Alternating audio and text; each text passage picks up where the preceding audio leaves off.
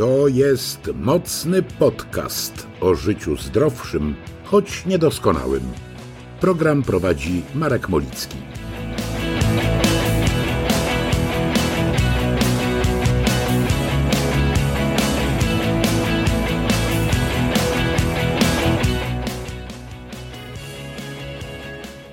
Koronawirus to temat, którym żyje mnóstwo ludzi, w dużej mierze dzięki temu, że nie pozwalają nam o nim zapomnieć media. Media, które po kilkanaście razy dziennie informują o najdrobniejszych szczegółach związanych z COVID-19.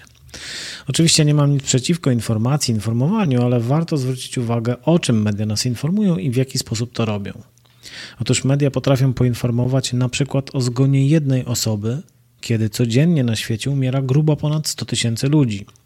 Media potrafią poinformować o lawinowym przyroście chorych, kiedy ten lawinowy przyrost oznacza na przykład 500 chorych więcej w skali całego świata, na którym żyje ponad 7 miliardów ludzi. Właściwie to brakuje mniej niż 300 milionów, żebyśmy powitali obywatelkę lub obywatela świata otwierającego 8 miliard. Trudno mi również uwierzyć, że sensacyjnie brzmiące tytuły mają nas tylko informować. Nie, one mają przyciągnąć uwagę i wzbudzać odpowiednio silne emocje. Następnie mamy kliknąć w link lub zostać przed telewizorem, ewentualnie kupić gazetę i przeczytać artykuł. Na przykład przez kilka dni media epatowały dwoma danymi: o liczbie nowych zachorowań i liczbie zgonów, a jednocześnie liczby osób, które wyzdrowiały, podawały gdzieś przy okazji. To o tyle interesujące, że dziś na przykład liczba osób, które wyzdrowiały, jest już wyższa niż osób, które są nadal chore. No ale pomyśl, w co klikniesz w tekst już ponad 95 tysięcy osób zachorowało i ponad 3 tysiące zmarło, czy w tekst już ponad 51 tysięcy osób wyzdrowiało? Nie, nie musisz odpowiadać, to pytanie retoryczne. Problem polega na tym, że w natłoku sensacji coraz trudniej znaleźć sensowne informacje, czym koronawirus jest, z jakim faktycznie zagrożeniem się zmagamy i co możemy zrobić, żeby nie zachorować. Moim zdaniem to nieodpowiedzialne działanie, bo jeśli się ludzie bardzo przestraszą, mogą ruszyć tłumnie do lekarzy i mogą się zrobić zatory, a pomocy może zabraknąć dla tych, którzy jej będą potrzebowali najbardziej. I co wtedy? Media nadal będą podsycały emocje, czy zaczną szukać winnych wszędzie, tylko nie we własnych redakcjach?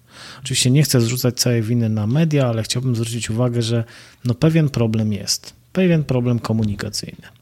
To, że służba zdrowia w Polsce jest w stanie dalekim od dobrego, to jedno. To, że kolejne rządy nie są w stanie zreformować opieki medycznej, to drugie. Ale sianie paniki w takim momencie jest skrajnie nieodpowiedzialne. Ponieważ sam już jestem zmęczony tym tematem oraz publikowaniem kolejnych uspokajających materiałów odnośnie koronawirusa, bo jednak sporo takich udało mi się znaleźć, choć były one raczej w miejscach niekoniecznie najpopularniejszych, postanowiłem porozmawiać z fachowcem. Wiesz, taka stara szkoła dziennikarska. Jeśli chcesz konkretów, udajesz się do ekspertów. Ludzi, którzy wiedzą o czym mówią i nie mam na myśli celebrytów, instagramerów czy blogerów z całym szacunkiem dla wszystkich. Ja postanowiłem porozmawiać z lekarzem rodzinnym, człowiekiem, który zanim wziął stetoskop do ręki, musiał sporo wiedzy przyswoić, a potem udowodnić, że faktycznie ją przyswoił i na końcu zdobyć prawo wykonywania zawodu, odbyć staże i tak dalej.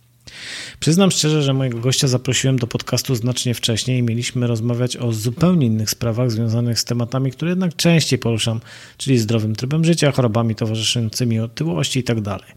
No ale te tematy muszą poczekać. Ważna informacja, rozmowę nagrywaliśmy w przededniu oficjalnego potwierdzenia pojawienia się pierwszego przypadku zachorowania e, na koronawirusa, czy z powodu koronawirusa w Polsce, choć przypuszczenia o tym, że ten wirus jest, były wcześniej. No ale po kolei.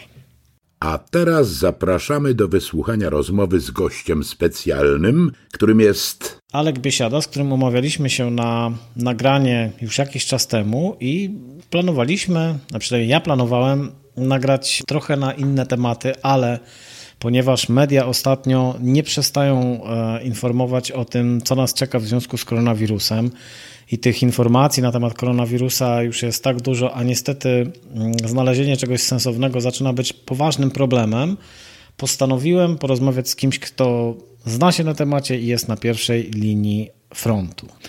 Stąd z Alkiem porozmawiamy dzisiaj właśnie o tym, jak sytuacja wygląda. Jesteś lekarzem rodzinnym, zatem można powiedzieć, że działasz na pierwszej linii frontu.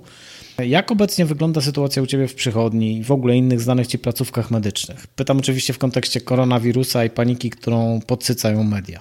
Cześć, dzień dobry, witam, witam Cię bardzo serdecznie.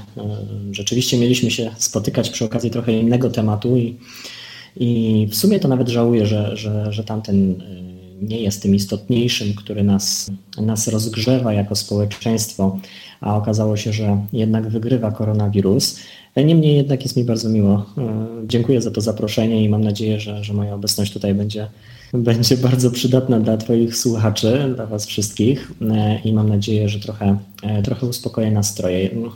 Jak to wygląda z mojej perspektywy jako lekarza rodzinnego, jako osoby, która na co dzień przyjmuje pacjentów, więc Niewiele się bym powiedział zmieniło poza otoczką medialną.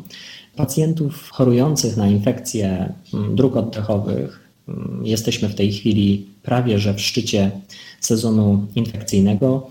Pacjentów zarówno mm, z grupy pediatrycznej, czyli dzieciaków takich najmniejszych, żłobkowych, przedszkolnych, szkolnych, które przynoszą infekcje często do domu, jak i osób starszych tych wszystkich e, osób jest bardzo dużo i pewnie każdy z Was, który był przeziębiony, chory w ostatnim czasie i próbował się dostać do swojego lekarza rodzinnego, to, to każdy z Was pewnie tego, tego doświadczył i, i widział te kolejki w przychodniach. Więc e, z tej perspektywy niewiele się zmieniło. Choć z drugiej strony muszę też powiedzieć, że cała ta medialna otoczka wokół koronawirusa na pewno spowodowała trochę większą ostrożność pacjentów w zbliżaniu się do podstawowej opieki zdrowotnej czy na przykład nocnej i świątecznej opieki zdrowotnej, która pełni podobną rolę jak, jak lekarz rodzinny, tylko w okresach, kiedy, kiedy my mamy wolne.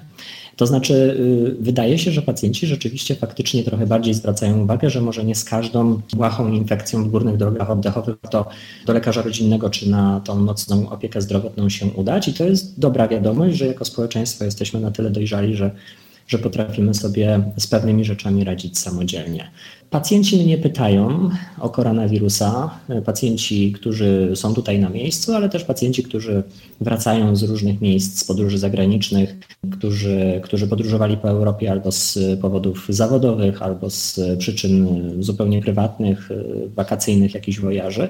No i dlatego też zdecydowałem się właśnie napisać e, i nagrać materiał w tym, w tym temacie, bo to jest e, no po prostu jakby mało czasu w gabinecie, żeby, żeby o koronawirusie rozmawiać i wszystkie te istotne kwestie poruszyć, a z drugiej strony no, dużo pytań, więc to, to takie zmiany, które zaobserwowałem. Ja od razu dodam, że udostępniałem Twój materiał i też link do tego materiału znajdzie się pod opisem tego podcastu, żeby każdy mógł się z tym zapoznać, bo tam jest dużo właśnie takich usystematyzowanych informacji na spokojnie spokojnie podanych, a tak jak wspominałem, właśnie z tym jest największy problem, żeby takie informacje znaleźć obecnie.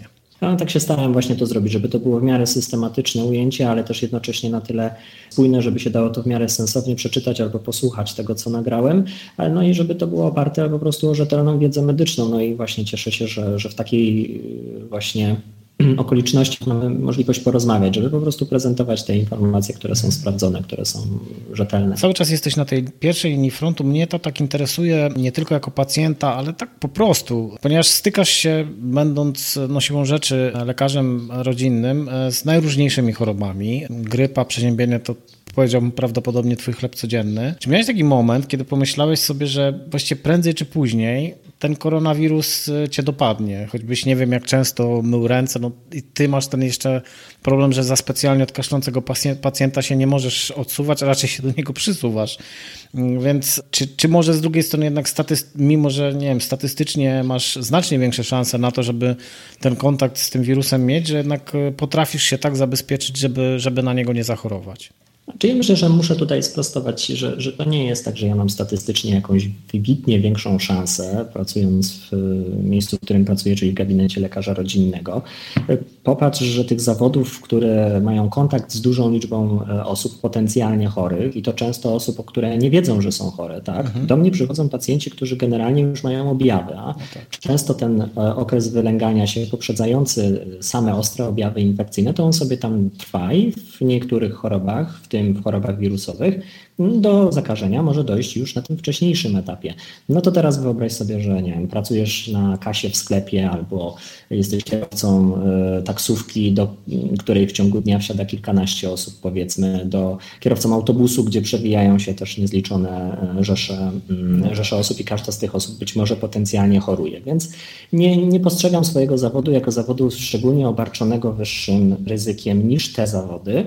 Natomiast na pewno cała ta grupa zawodów, które mają styczność z szeroką grupą osób, no nie wiem, nauczyciele szkolni, przedszkolanki, tak, w okresie jesienno-zimowym, kiedy jest szczyt zachorowań, e, czy właśnie kierowcy autobusów, e, kasjerzy, kasjerki w sklepach i tak dalej, i tak dalej. To są wszystko osoby, które, tak jak ja, powinny jednak pewną prewencję tych chorób infekcyjnych zachowywać. Czy ja z tym koronawirusem mogę mieć do czynienia częściej czy, czy, czy rzadziej? Wydaje mi się, że obiektywnie mogę mieć potencjalnie tak samo jak pacjent, którego dzisiaj przyjmowałem e, i pracuje na lotnisku w podkrakowskich Balicach. Tak? No, też ma styczność z ludźmi, którzy przylatują z różnych rejonów świata.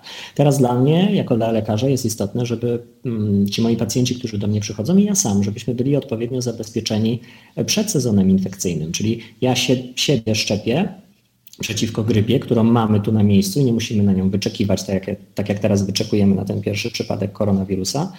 Mamy ją tutaj u siebie i na nią się szczepię, szczepię swoją rodzinę po to, żeby zabezpieczyć właśnie siebie i bliskich.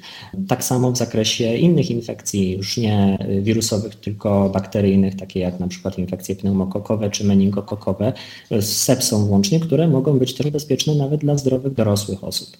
To jest jakby pierwsza, pierwszy aspekt. Drugi aspekt dotyczy pewnych zachowań y, takich prozdrowotnych. Y, pacjenci mnie często pytają w gabinecie, co zrobić, żeby się nie przeziębiać, żeby poprawić układ odpornościowy, jak to zrobić, co zażyć. Najlepiej zażyć spaceru. To jest jedno z najlepiej udokumentowanych y, medycznie, ale naprawdę względem badań naukowych, to tam najmniej ludzi trzeba wysłać na spacer, żeby mieć z tego najlepszy efekt w postaci zmniejszenia zachorowalności. Tam natomiast jeśli chodzi o te wszystkie reklamowane cudowne suplementy czy tabletki, no to niestety tutaj już nie. Tutaj trzeba leczyć bardzo wielu często pacjentów, żeby u jednego uzyskać choćby nawet niewielki efekt w postaci krótkiego e, czy niewielkiego skrócenia czasu, e, czasu infekcji. Więc naprawdę aktywność sportowa, ruchowa na co dzień, ona ma istotne znaczenie w prewencji e, chorób. No i też im jesteśmy sprawniejsi, im nasz układ odpornościowy jest bardziej wyćwiczony, im nasz organizm jest w lepszej formie, tym łatwiej te infekcje przechodzimy. No i na pewno ta część, na którą teraz zwraca się bardzo dużą uwagę i stała się taka trochę polityczna, czyli no, zwyczajna, najnormalniej w świecie pojęta higiena, czyli właśnie mycie rąk dla mnie, e, także dezynfekowanie powierzchni, na których pracuję, e, urządzeń, z którymi mam do czynienia, choćby zwykłego stetoskopu, tak żeby każdy pacjent miał ten komfort, że jest jakby zaopatrzony od zera. Ja jeżdżę na wizyty domowe, więc e, przed wizytą i po wizycie też higiena rąk, a jeżeli nie mam tej możliwości, no to, to po prostu mam e, ze sobą e, płyn, w którym dezynfekuję ręce po prostu po wyjściu z, z takiej wizyty domowej, więc jakby to wszystko jesteśmy w stanie robić samodzielnie w warunkach e, domowych, no i jakby to uważam, że jest w zupełności rozsądnie zabezpieczające. To dość podstawowe z jednej strony mm, rzeczy, no bo mm, higiena to jest taka rzecz, o której powinno się pamiętać przez cały rok, bez względu na to, czy w ogóle jest jakiś wirus. Ale cieszę się też, że wspomniałeś o tym wysiłku fizycznym, bo ja to, tą, taką postawę często promuję u siebie na blogu właśnie, ponieważ sam doświadczyłem, jak to jest żyć bez wysiłku fizycznego i jak to jest żyć, kiedy się jakiś sport uprawia. No i to, ta, ta druga wersja jest zdecydowanie, zdecydowanie lepsza, więc y, fajnie, że, że o tym powiedziałeś. Mam nadzieję, że słuchacze, tak, że słuchacze się, jeżeli jeszcze ktoś się zastanawia, czy warto, to już teraz nie ma wątpliwości. Zachęcamy obaj. No właśnie, no właśnie. Zwłaszcza, że zima naprawdę zachęcała do spacerów, więc naprawdę można było spacerować do woli. Dokładnie. Na grypę w Polsce choruje bardzo dużo ludzi. W poprzednim sezonie grypowym wyczytałem statystyki, że było to 3 miliony 700 tysięcy, a w tym sezonie, który liczy się jakoś tak mniej więcej od 1 września, jest do tej pory o milion mniej zachorowań, ale też z powodu grypy ludzie umierają. Mm, natomiast grypa po pierwsze jest z nami obecna od właściwie zawsze, odkąd chyba się wszyscy pamiętamy. Na tą grypę ludzie mm, umierają i chorują, ale ona nie wywołuje takiej paniki jak koronawirus. I teraz pytanie, mm, czy to jest tylko efekt tego, Twoim zdaniem, że do grypy jesteśmy już po prostu tak przyzwyczajeni, że nawet właściwie ją ignorujemy i nie zabezpieczamy się, bo przecież są szczepionki, o tym zresztą trochę później porozmawiamy też.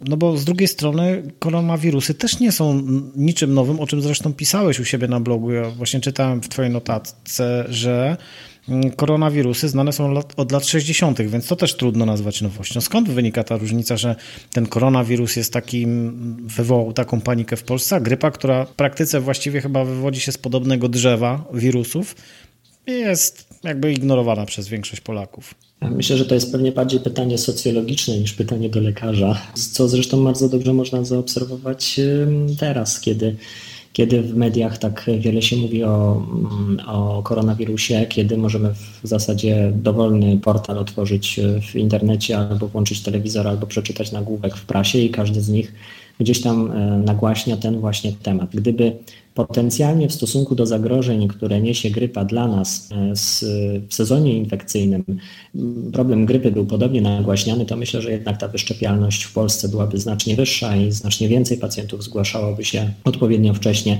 po pierwsze do prewencji, a po drugie do, do, do zapobiegania, do leczenia w ostatecznym efekcie również e, także i my na pewno mielibyśmy mniej tych przypadków. Oczywiście, że skala globalna jest zupełnie inna i skala tego, tej zakaźności infekcyjnej i ewentualnych powikłań w następstwie tych dwóch chorób jest inna. Natomiast, no, jak zwróciłeś słusznie uwagę, w tamtym roku prawie 150 osób w Polsce zmarło z powodu grypy. Ja od razu też tutaj dołożę taki kamyczek, że ja mam pewne obiekcje, czy ta statystyka jest na pewno wystarczająca i pełna, ponieważ w Polsce niestety z raportowaniem zgonów jest dość kiepsko. Nawet y, były wytyczne dla lekarzy odnośnie tego, jak to powinno być robione, to, jest, to są dane, które powinny spływać do, do Eurostatu, a ostatecznie te polskie dane jakoś tak Eurostat patrzy na nie jednak nawet bardzo krytycznym okiem. Więc ile tak naprawdę tych zgonów z powodu grypy w Polsce jest, to nikt do końca nie wie, zwłaszcza, że testy na grypę nie są tak rozpowszechnione jak na przykład za granicą. W związku z powyższym, no możemy sobie ten wirus grypy A bądź B przetestować, ale to w zasadzie tylko w warunkach prywatnych na Narodowy Fundusz Zdrowia to praktycznie nikt tego nie wykonuje. POZ tego nie wykonują, pacjenci często nie wiedzą o takiej możliwości, no i ostatecznie w związku z tym tych wykryć jest, jest mniej.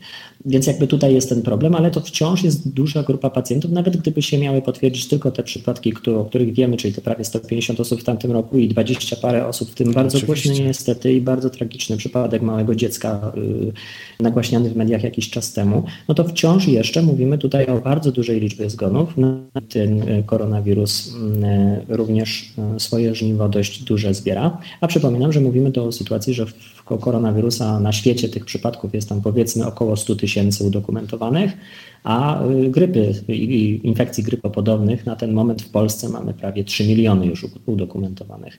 Więc moim zdaniem to niestety jest trochę tak, że się przyzwyczailiśmy jako społeczeństwo, że nie dostrzegamy tego e, zagrożenia i że no jakby mm, Uważamy, że grypa jako choroba y, nam znana, nawet taka, na którą mamy w zasadzie y, dedykowane lekarstwo przeciwwirusowe, to ona jest w zasadzie niegroźna i nie, nie bardzo powinniśmy się nią y, przejmować. Więc myślę, że to z tego powodu. A ponieważ no, w sezonie powiedzmy, że sporadyczne informacje w mediach na temat grypy, infekcji, na temat prewencji i tego, że można się zaszczepić się pojawiają, no ale to jest bardzo mało tych informacji, patrząc na to, jak zmasowana jest informacja o koronawirusie, no to ostatecznie nam ten temat gdzieś po prostu ucieka. Nie ma też niestety tego czasu na prewencję, wiesz, w gabinecie lekarza rodzinnego. No i to też jest, to też jest kłopot. Jeszcze mówiąc o statystykach, słyszałem też od, e, chyba w telewizji nawet, że mm, jeden z tych często występujących lekarzy, niestety zapomniałem teraz nazwiską, wspominał, że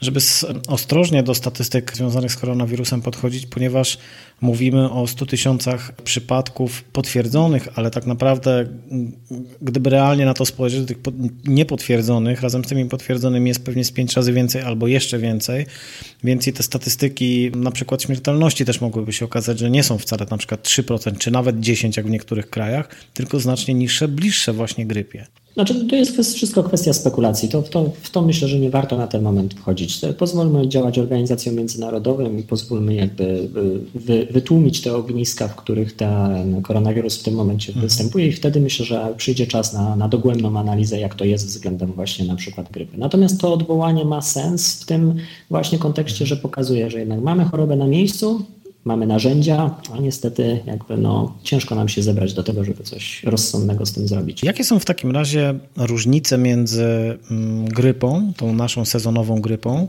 a e, koronawirusem właśnie, bo, bo może tutaj jest cały problem związany właśnie z tą paniką, że może ten koronawirus jest bardziej zaraźliwy niż grypa, jest trudniejszy w leczeniu, to znaczy leczy, grypę leczy się objawowo, no bo nie ma takich leków. E, może po prostu daje więcej powikłań mm, i w końcu w efekcie częściej powoduje na przykład e, śmiertelność e, wśród pacjentów chorych. Jakie są różnice między grypą a koronawirusem tak naprawdę?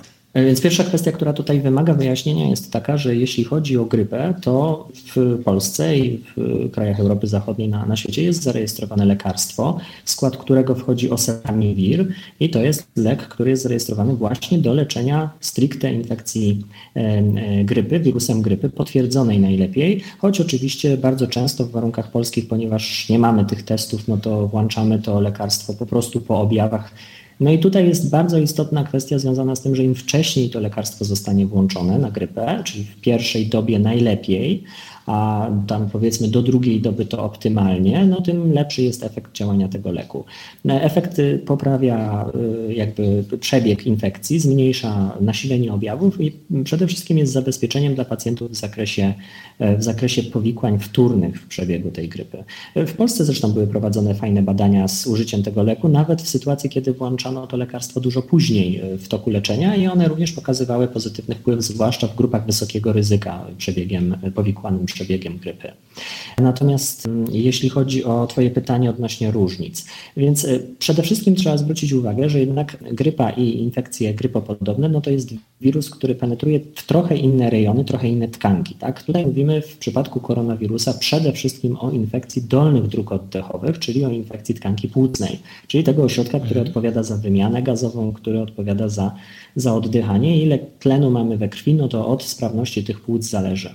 Więc teraz łatwo sobie wyobrazić, że dla pacjentów, którzy złapią tego koronawirusa, a już mają na przykład jakieś choroby y, płuc, oskrzeli, na przykład astmę oskrzelową, przewlekłą obturacyjną chorobę płuc, albo po prostu są mniej wydolni z powodów na przykład kardiologicznych, chorują na cukrzycę, mają niewydolność nerek, no to przebieg tej infekcji tym koronawirusem może być naprawdę bardzo poważny. No i właśnie z tych powodów, że to jest wirus atakujący głównie tą okolicę, y, często w toku tych infekcji pacjenci, zwłaszcza ci powikłani mający y, za sobą dużą historię chorobową, wymagają tego wsparcia oddechowego. No w grypie jednak jest to dużo rzadsze.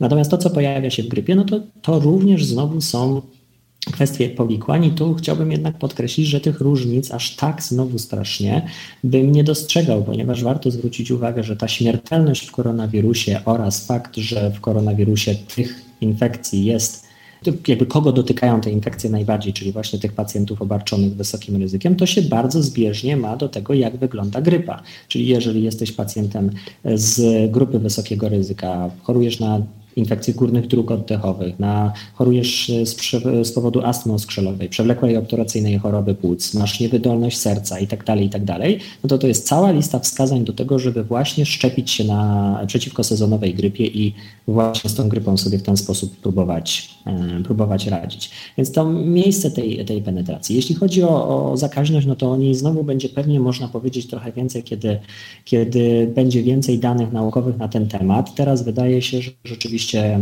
e, że rzeczywiście są różnice, ale znowu podobnie.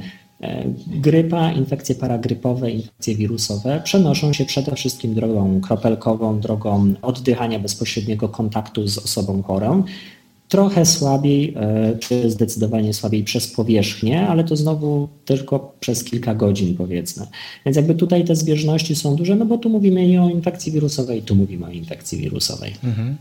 Od lekarzy mm, bardzo często słyszymy, że mm, żeby przede wszystkim zachować w ogóle spokój e, i nie panikować w związku z pojawieniem się koronawirusa.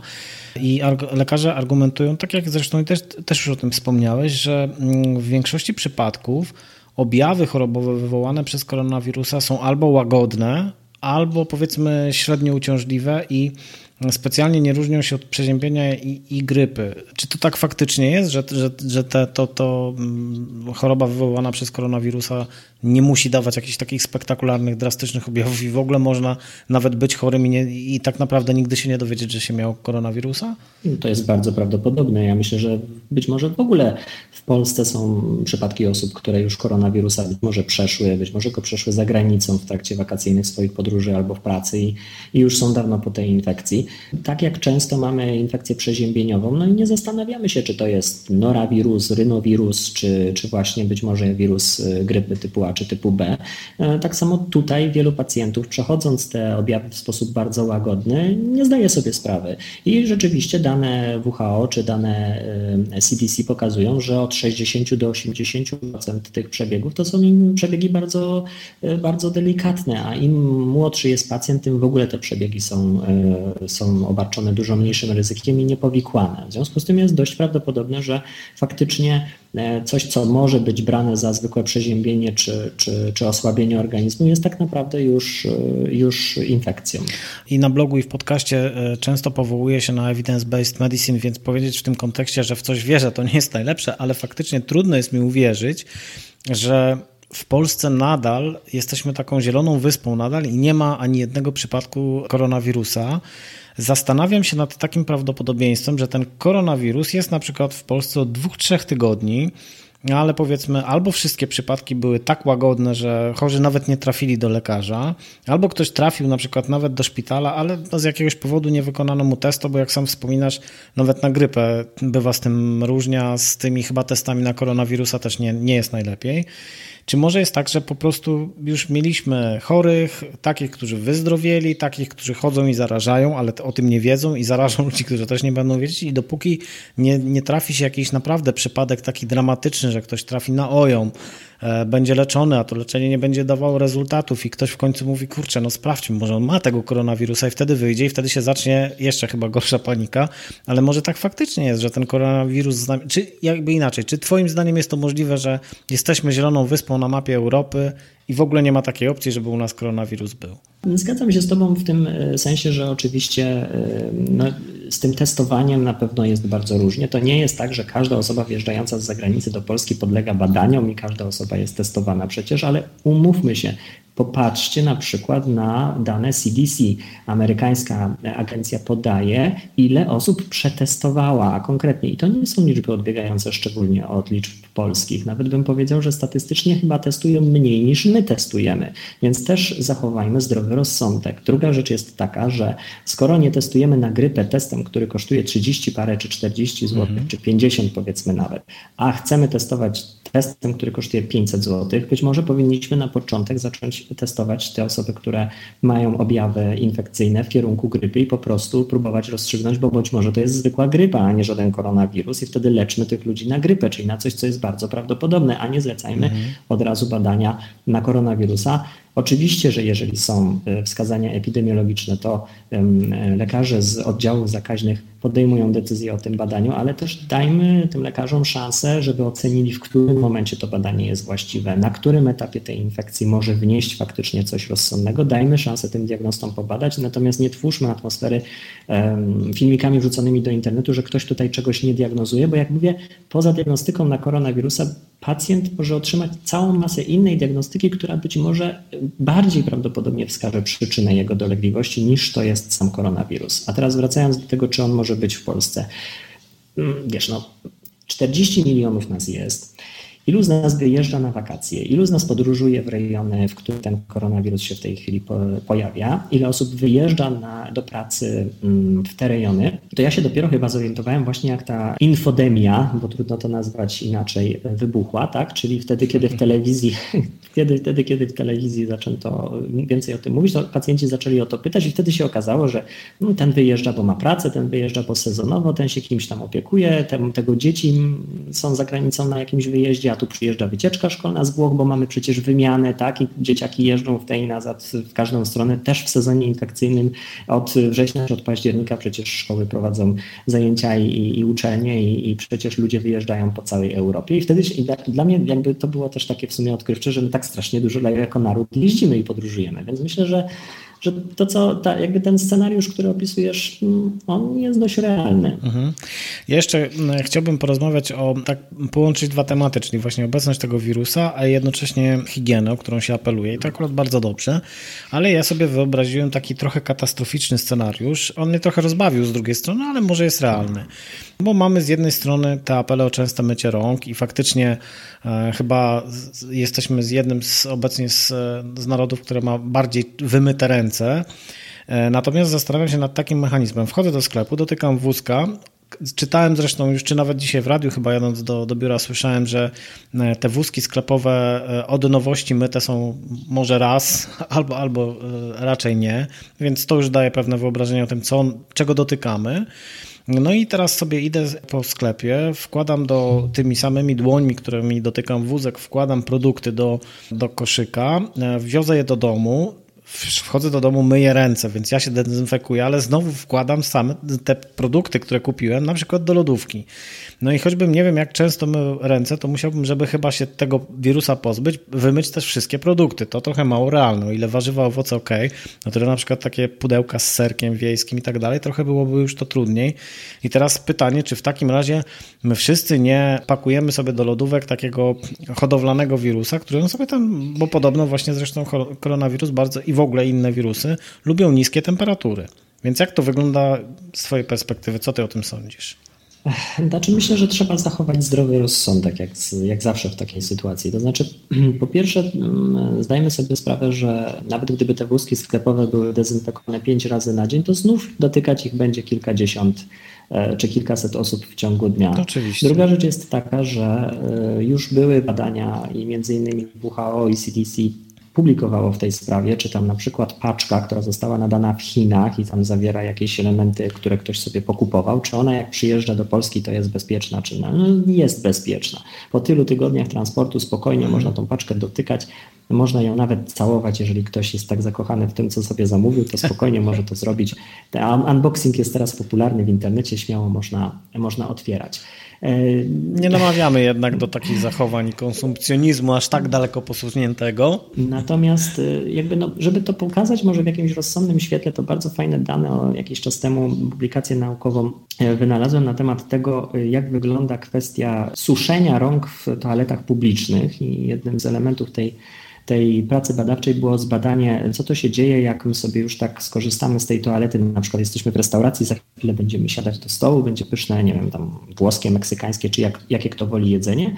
No i wcześniej korzystamy z toalety, myjemy ręce, no i chcielibyśmy je jakoś osuszyć. No i teraz wyobraźmy sobie, że na ścianie wisi taka suszarka do suszenia rąk. No i tam Amerykanie zbadali, co ta, ta suszarka robi. No i możesz sobie mniej więcej wyobrazić, jeżeli ona zasysa powietrze z tej toalety, z tymi wszystkimi bakteriami kałowymi, które tam krążą w powietrzu, to co ona nadmuchuje ci na ręce, jak ty te ręce suszysz w tej toalecie, prawda? Nawet jak to powietrze jest podgrzane do wyższej temperatury, no to wzdmuchuje ci po prostu te bakterie centralnie w skórę. No a potem siadasz do stołu i jesz ten obiad, nie? Dotykasz twarzy, dotykasz obrusu, talerzy i tak dalej. Więc zachowajmy zdrowy rozsądek. To nie jest tak, że każdy kontakt z wirusem, każdy kontakt z bakterią powoduje, że my jesteśmy zarażeni, zainfekowani. Pamiętajmy, że większość bakterii, które mamy na sobie i w sobie, to są bakterie, które nam służą, które nam pomagają, często właśnie też w walce z infekcjami i e, że ten zdrowy rozsądek powinien nas popychać po pierwsze do tego, żeby tak dbać o tą higienę rąk i zdecydowanie zalecam, żeby myć ręce często, regularnie,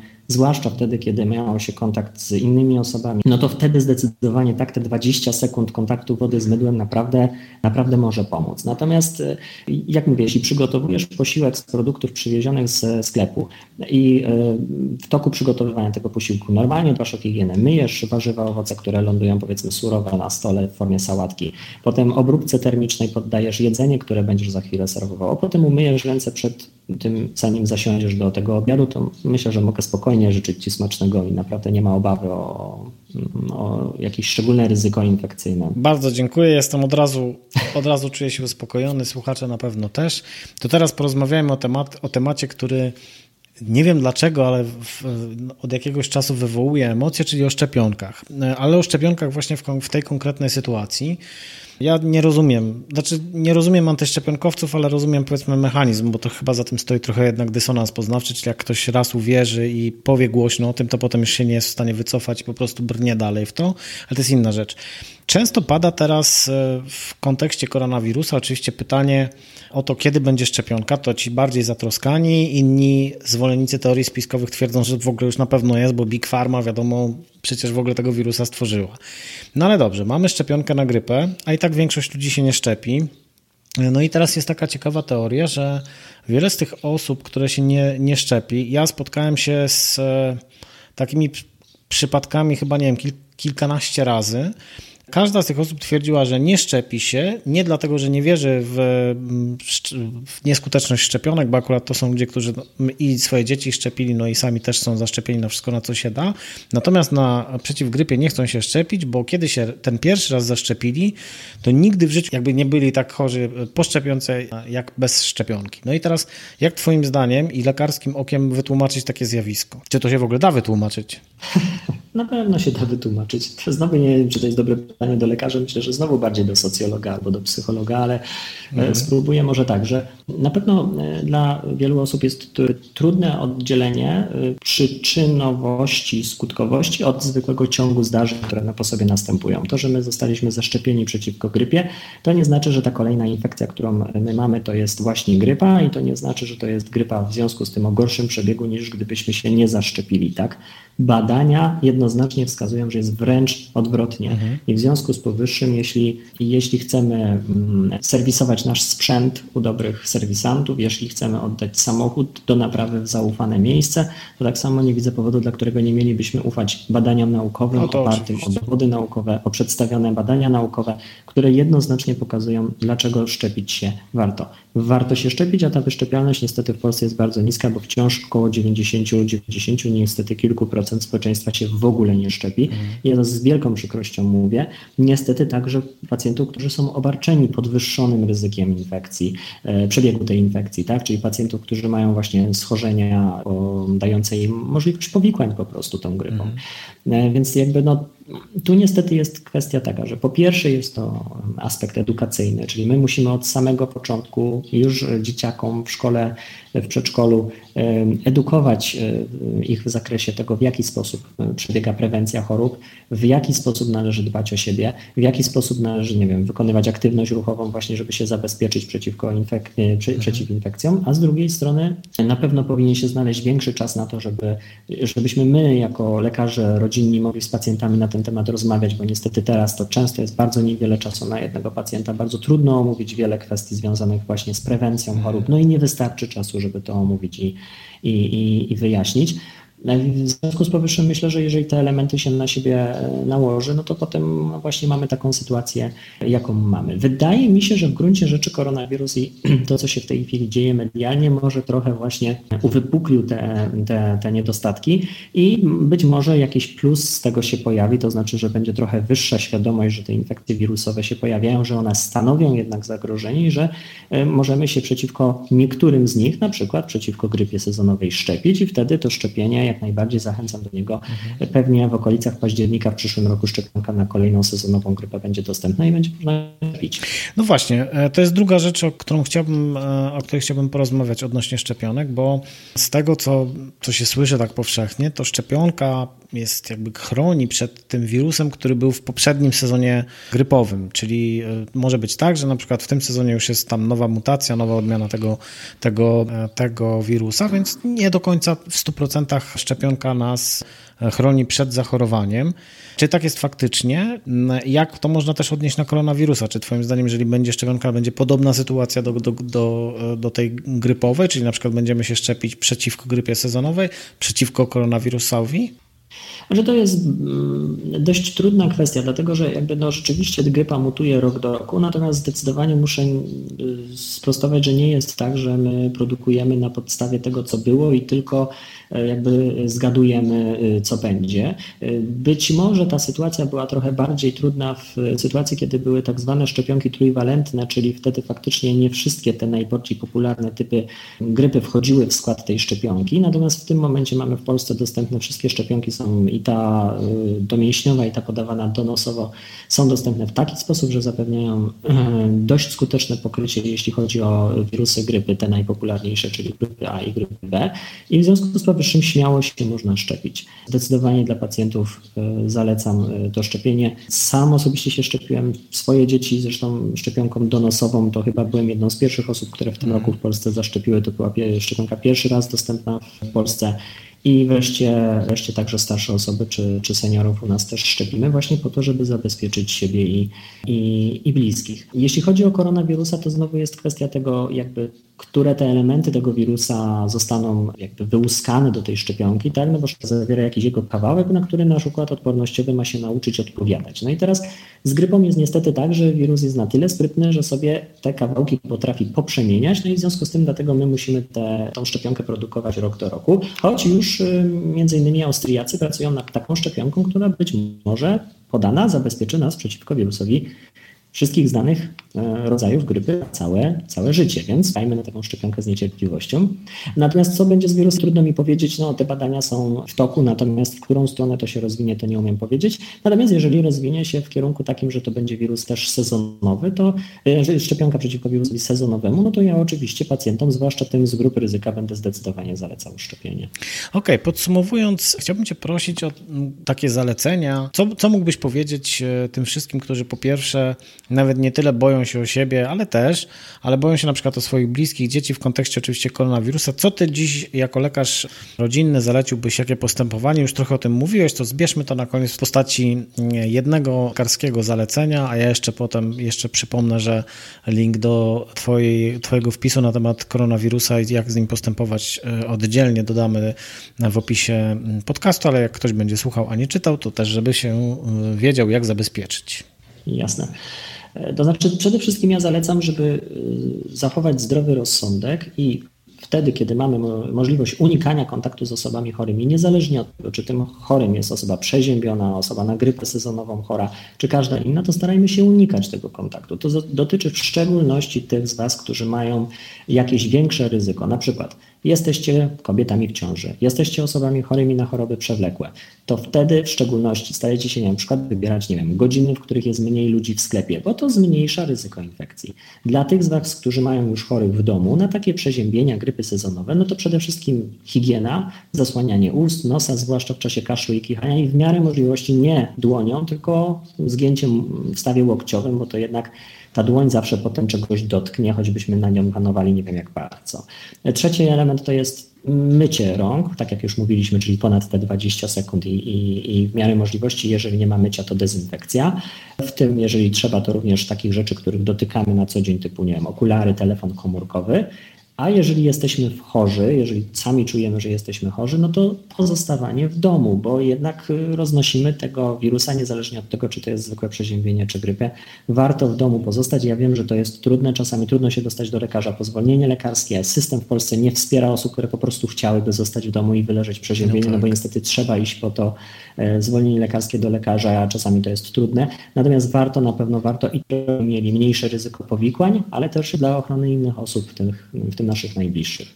Wiesz już, co robić, a czego nie. Jestem pewny, że po takiej dawce wiedzy możesz spać dziś spokojnie i z dystansem również patrzeć na medialne doniesienia. Oczywiście nie namawiam do lekceważenia problemu, ale przede wszystkim, powtarzając za Alkiem, namawiam do zachowania zdrowego rozsądku. Najgorsze decyzje zawsze podejmujemy, kiedy panikujemy lub jesteśmy w ogromnym stresie. A przecież nie o to chodzi, żeby podejmować złe decyzje, tylko dobre. Prawda? Cześć.